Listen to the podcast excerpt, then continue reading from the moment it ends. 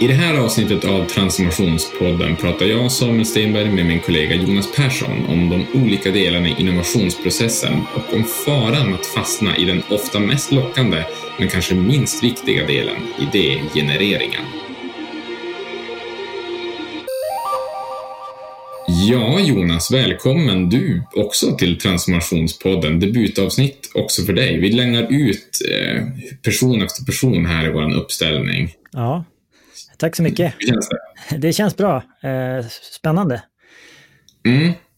Eh, vi ska ju prata om eh, någonting som du har bloggat om en ganska bra bit tillbaka egentligen. Vi börjar ha en ganska diger lista på vår blogg på hellofuture.se som folk kan gå igenom och ganska långt tillbaka pratade du om det här med idégenereringsfällan. Jag vet inte, vi kanske förkortar det till idéfällan här idag. Idégenereringsfällan, det är så långt ord, men eh, det handlar om innovation och de olika faserna i det och sådär. Alltså det, det tycker jag ska bli spännande att höra dina tankar om. Men först kan inte du bara berätta lite grann vad du gör här på Hello Future? Eh, absolut. Eh, jag är då en av eh, grundarna och jobbar som designstrateg med allt från att ta fram lösningar Eh, och även jobba rent eh, strategiskt med affärsbitar ur ett eh, designperspektiv. Just det, och du, som du, du nämnde ju det här att du är en av grundarna, så att du har ju varit med ett ganska bra tag nu. Hur, hur har ditt jobb förändrats egentligen under hela den här tiden? Jag tänker att det är så mycket som händer på, på det här fältet, innovation, design och sånt här. Det har ju verkligen det borde vara en ganska stor utveckling, eller hur har, har ditt jobb utvecklats över tid? Uh, absolut, det har hänt uh, väldigt mycket. Um, de bitarna jag jobbat, jobbar med är ju någonting som tidigare varit något som har hamnat på marknadsavdelningar ofta, medan det nu är mer av en ledningsfråga. Mm, mm. Uh, det har gått egentligen fortare än vad jag har trott att design och innovation har blivit en eh, väldigt viktig del av en eh, organisation.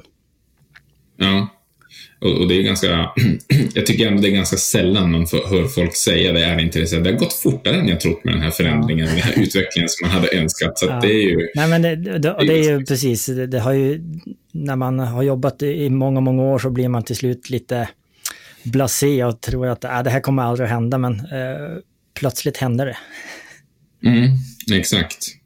Eh, men med det sagt då så är det ju inte, eller man kanske ska säga så här snarare att det ger också ett ganska bra perspektiv att förstå att det här är ett ganska ungt fält, att innovation, eh, att innovation är så högt upp på dagordningen i organisationer. Eh, det har inte gått så lång tid trots allt sen det har sett ut på det viset och att det då finns barnsjukdomar, att man har inte riktigt rätt processer och rätt tankesätt på plats alltid, eh, är också kanske ganska begripligt då med tanke på att det är en så pass ny fråga som sagt. Ja, absolut.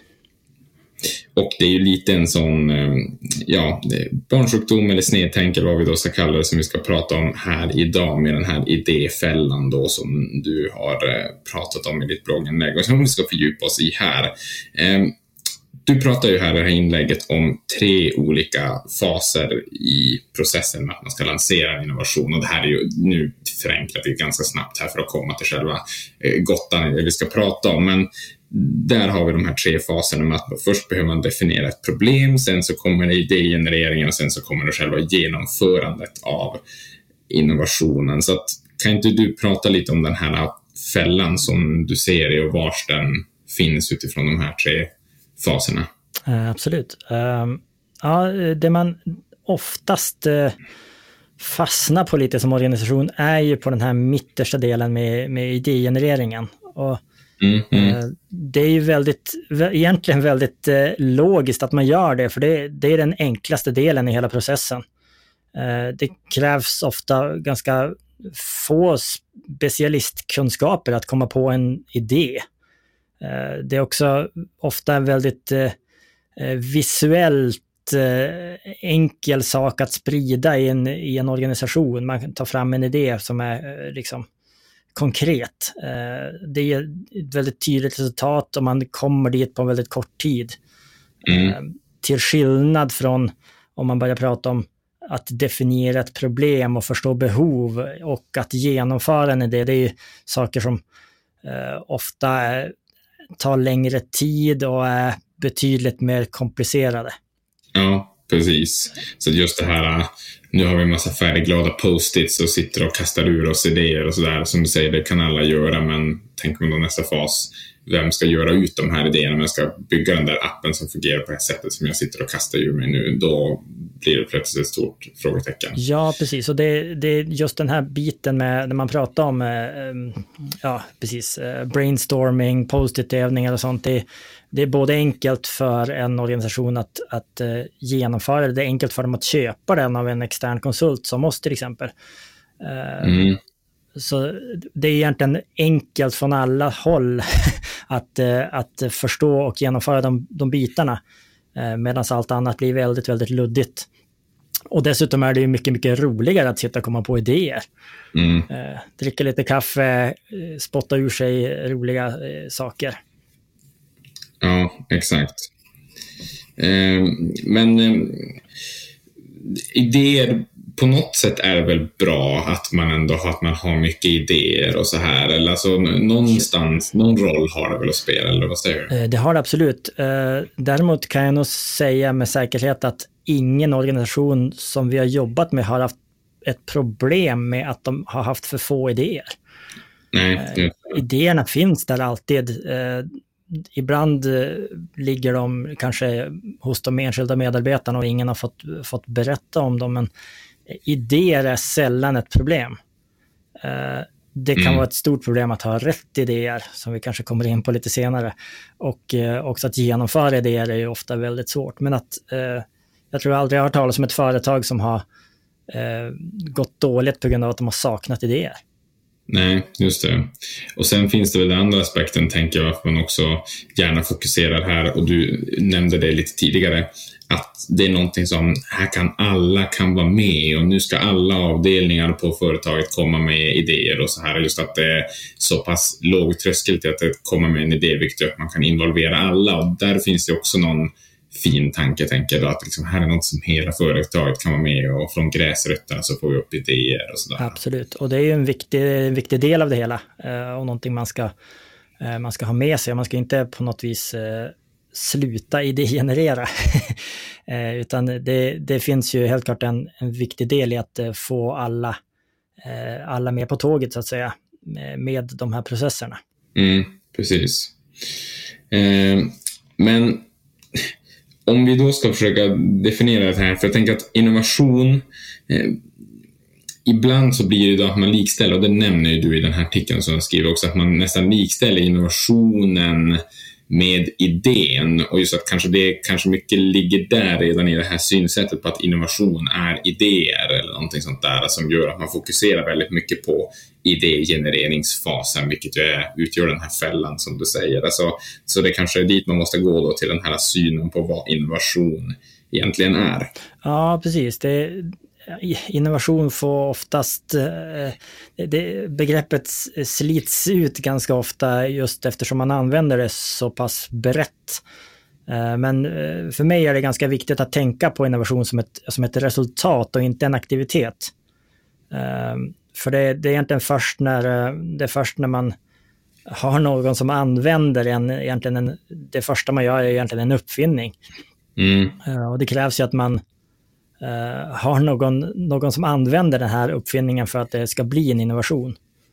Uh, Just det. Det finns, det finns en, en, bra, uh, en bra definition av en som heter José Briones som brukar säga att innovation inte är ett mått på den förändring du gör utan det är ett mått på det behov du möter. vilket jag tycker mm. är en ganska mm. sympatisk bild av det hela.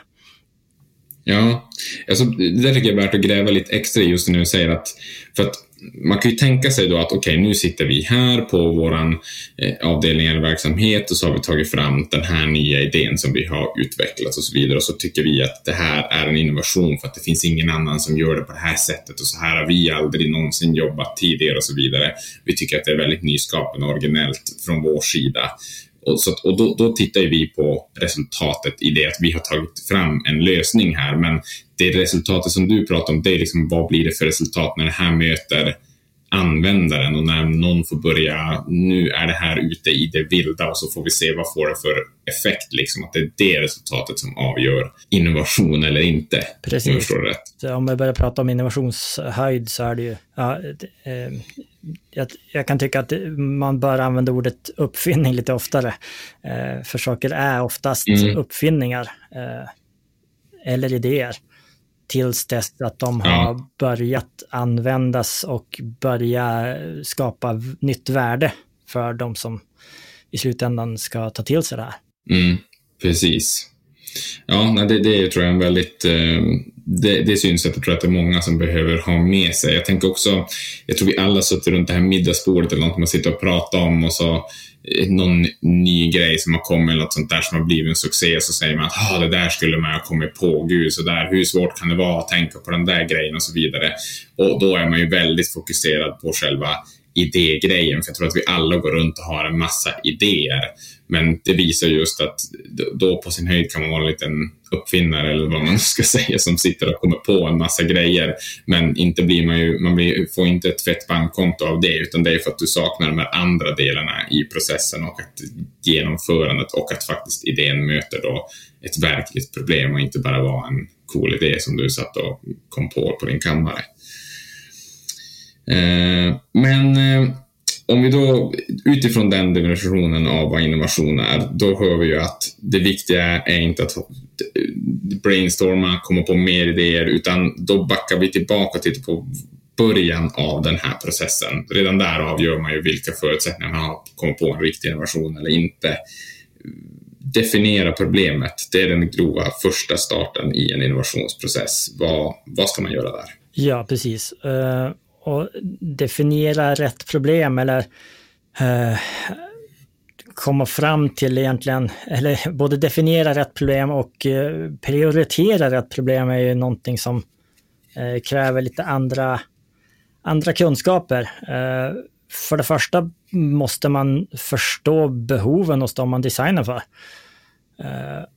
Mm. Det är väldigt lätt att som sagt komma på idéer, men om man inte förstår sig på eh, kunderna eh, så kommer man troligtvis att komma på fel idéer.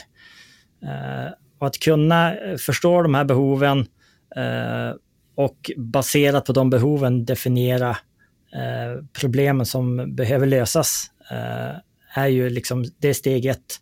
Ja, men, men, men jag tänker, det, det är steg ett. Definiera problemet och identifiera behoven. Men, men definiera problemet, jag tycker det är värt att gräva lite mer där för att eh, det är väldigt lätt att sitta och komma på sina problem och sen säga bra, vi har kommit på att vårt problem är och sen stannar vi med ett problem som så här, vi har ju alldeles för låg budget eller vi har för få, som, vi har för få användare eller du vet en sånt här problem som är väldigt ytligt eller som snarare är ett resultat av något annat. Alltså, vad, jag tänker det är värt att stanna lite där vid vad är ett väldefinierat problem egentligen? Precis. Uh, ja, ett eh, problem är ju ofta väldigt lätt att uh, utgå från sig själv när man tänker runt. Uh, vi har problem med det här, eller vi har problem med det där internt på en, en organisation. Mm. Men oftast är ju eh, de problem vi vill lösa eh, problem som uppstår hos kunderna. Eh, och för att kunna lösa de problemen måste mm. vi förstå eh, lite mer vad de vill ha, hur deras eh, situation ser ut. Eh, vi måste kanske förstå Eh, lite mer av helhetsbilden. Vad gör kunden innan de möter oss som företag? Vad gör de efter de möter oss? Eh, vi måste kanske börja titta på hela kundresor här vad, vart finns problemen i, i kedjan? Det kan ofta vara så att eh, till exempel någonting som man kommer in med när man möter företaget första gången är någonting som eh, kanske måste lösas, eh, som man idag inte gör. Eh, eller att det är någonting som händer då efter man har så att säga slutat interagera med ett företag eller en organisation, att det är där man måste eh, hitta nya saker att eh, erbjuda för att kunna egentligen skapa någonting som eh, ger ett mervärde.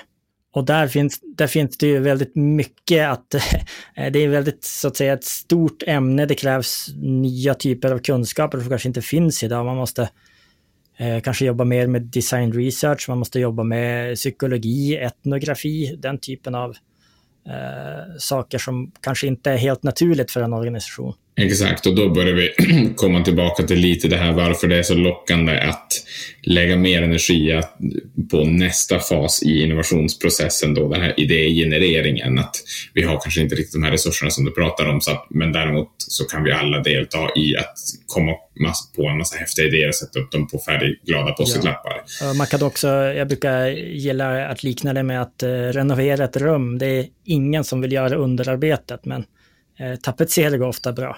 Ja, precis. Jätteroligt att sitta och titta på olika bilder på vilka tapeter man ska ha, vilken cool möbel eller något sånt där. Men, och, och sen har vi då, för då har vi definierat problemet som du pratade om där och vikten av det och hur faktiskt vilken djup kunskap man kan behöva där. Eh, sen har vi det i genereringen, som sagt fortfarande relevant, inget man ska stryka, men jag hör dig säga då att då behöver man lägga kanske lite mindre tid på det än idag och sen framförallt ha en mycket bättre första fas innan man går in och idégenererar så att man idégenererar runt rätt problem och så. Då.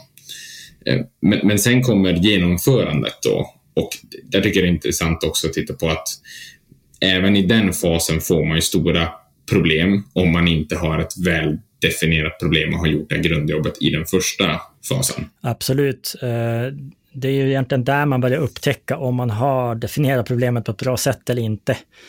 Mm. Eh, det, det, är då de, det kan bli otäckt ganska snabbt. Eh, sen är det också så att med eh, just genomförandebiten, du, du var lite inne på det själv, att man sitter ofta där vid, vid bordet och tycker att ja, men den där idén var väl inte så märkvärdig, det kunde jag också ha kommit på. Mm.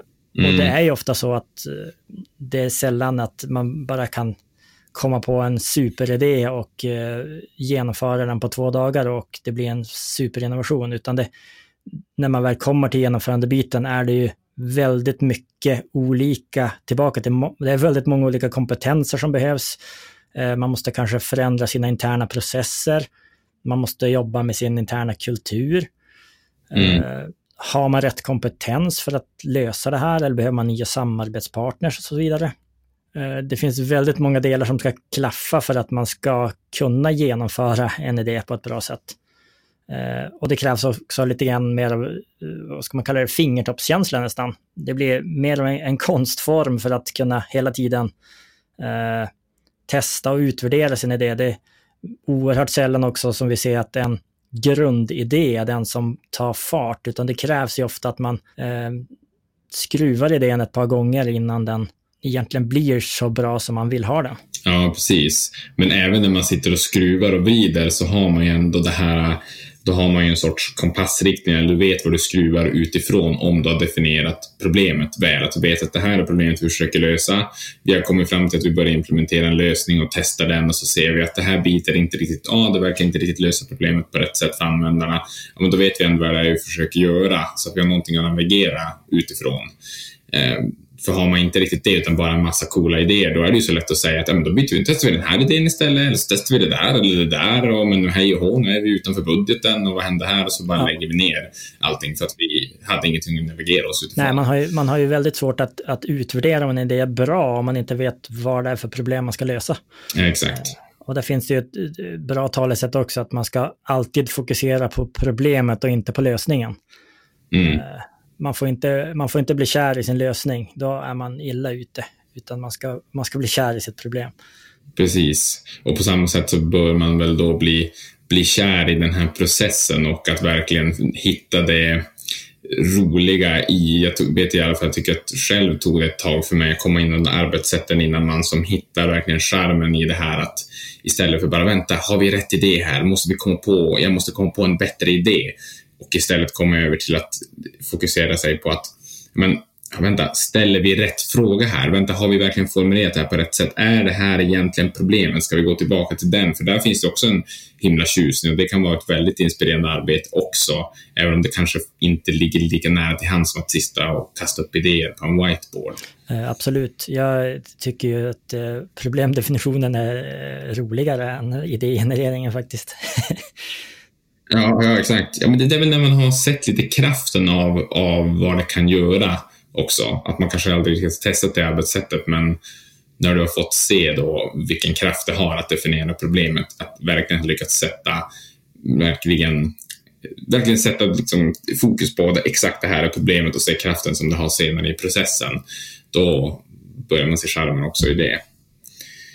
Men, men hur kan man, ehm, hur ska vi få in mer problemdefiniering i organisationer och sådär då? Nu har vi någon lyssnare som sitter och tänker att okej, okay, vi kanske har lite för mycket brainstorms och idéjam och sådana här grejer. Vad kan man göra för övningar eller vad kan man göra för att börja skapa intresse och mer fokus på att definiera problemet-fasen? Eh, ja, man bör ju avsätta tid för det framför allt. Eh, att våga uh, vara kvar i den, i, i, den delen av processen, att börja fundera på de här sakerna. Vad är det egentligen för problem vi försöker lösa? Mm. Jag tror att man, det finns ganska få superformler och specialtricks för att ta sig dit, utan det handlar mycket om att bli medveten om de här sakerna. Både snappa upp de små problemen som finns i organisationen eh, idag och som finns hos kunderna, men kanske framför allt att förstå och börja analysera vad är det vi, vad är det vi löser för problem egentligen eh, för, för våra kunder. Eh, finns det där kan man också ganska snabbt börja identifiera om det finns andra aktörer som eh, kan komma in och lösa samma problem som man kanske inte vet om idag. Det är lätt eh, att tänka att det är bara de i vår bransch som kommer att vara konkurrenter, men eh, när saker och ting blir digitala så ser vi mer och mer att det kan komma någon eh, helt annan aktör och egentligen lösa samma problem på ett helt nytt sätt. Mm. Och där kommer man in på ännu mer strategiska frågor, hur man ska, hur man ska tackla den typen av av problem. Ja, precis. Ja, och, och, där, och det är kanske, en, det är kanske ytterligare ett helt podcastavsnitt just det här med hur eh, konkurrenssituationen förändras. Men, men den är ju väldigt viktig att ha i åtanke för att när man har definierat problemet rätt och ser vad är det egentligen för problem vi löser för kunderna, då kan man komma fram till vilka värden är det egentligen de eh, anlitar oss för eller får ut av oss och då kan man börja se, vänta här, vilka andra kan kliva in och erbjuda de här värdena.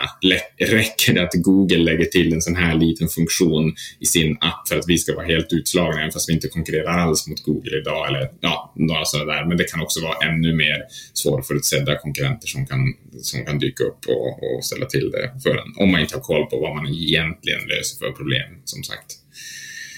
Eh, någon annan idé sådär, något tips hur får man in det här? Man kan börja med att stryka en massa idéworkshops och sånt där. Det är kanske steg ett då för att frigöra tiden till det här andra och kunna prioritera. Vad säger du? absolut, jag skulle säga att eh, ta bort lite sånt och eh, sen tycker jag också att man bör prata betydligt mer med sina kunder. Eh, mm. Det är ju ett, ett allmänt tips. Eh, för att förstå dem är ju en, det är grunden till att eh, definiera problemen. Så eh, se till att, eh, det, man behöver inte göra det särskilt krångligt, men att bara se till att man får igång en bättre dialog med kunderna där man kan och fånga upp liksom, de behov man har och dokumentera ner det. Det är väldigt lätt också att man gör det lite någon gång sådär och sen rinner det liksom ut i sanden och inte, det finns liksom ingen uppbyggd kunskap någonstans runt de här bitarna. Men det, jag tror man ska lägga mer kraft på de sakerna. Eh, det gör ju som sagt att eh, problemdefinitionen blir enklare och genomförandebiten blir enklare. Ofta blir mm. allt blir enklare helt enkelt.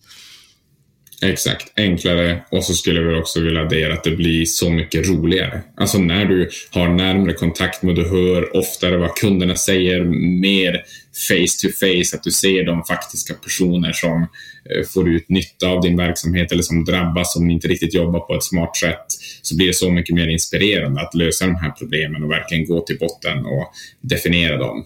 Eh, så att just den, bara den motivationsbiten att göra det roligare är också så viktigt. Och utöver alla de bonusar som mm, du just nämnde. Och där kan man ju också nämna att eh, en, en, så att säga, en kund behöver ju inte vara en extern kund alla gånger. Det eh, kan ju vara någon intern process man vill förändra och då är det ju viktigt att få med sig medarbetarna i den resan och förstå deras behov. Ja, ja precis. Ja, det är ju mm, kund har vi kanske slängt oss med mest nu här för att det är det enklaste begreppet, men just eh, vem det nu är som ska använda. Någon internt vad det nu kan vara, så är det ju den personen man måste ha fullt fokus på. Helt riktigt. Ja, men det, du Jonas, jag tror att vi börjar ha definierat ganska väl nu det här med eh, idéfällan och så får vi hoppas att vi kanske har hjälpt någon att motivera sig att börja klättra upp ur brainstorming-träsket och, och tillbaka till att definiera problemen lite bättre. Och eh, som du nämnde tidigare där också, att det kommer ofta tillbaka till det här med att man ska börja med att prata med kunderna och så, där vi pratat om i andra avsnitt. Så att har man missat något avsnitt tidigare av Transformationspodden så gå tillbaka och lyssna på dem också så får man mer inspiration till just det här med hur kan man börja förstå kunderna och varför är det så viktigt för att få de här processerna rätt och eh, få ut den effekten som man vill ha. Så mycket mer av det kan man hitta i andra avsnitt av Transformationspodden också. Tack Jonas för din eh, poddebut också ska jag säga. Eh, tack själv Samuel. Mm. Och eh, tack till alla som eh, lyssnat. Med det så stänger vi ämnet Idéfällan och eh, återkommer nästa gång med mer prat om digital transformation och att göra det på ett rätt sätt i Transformationspodden.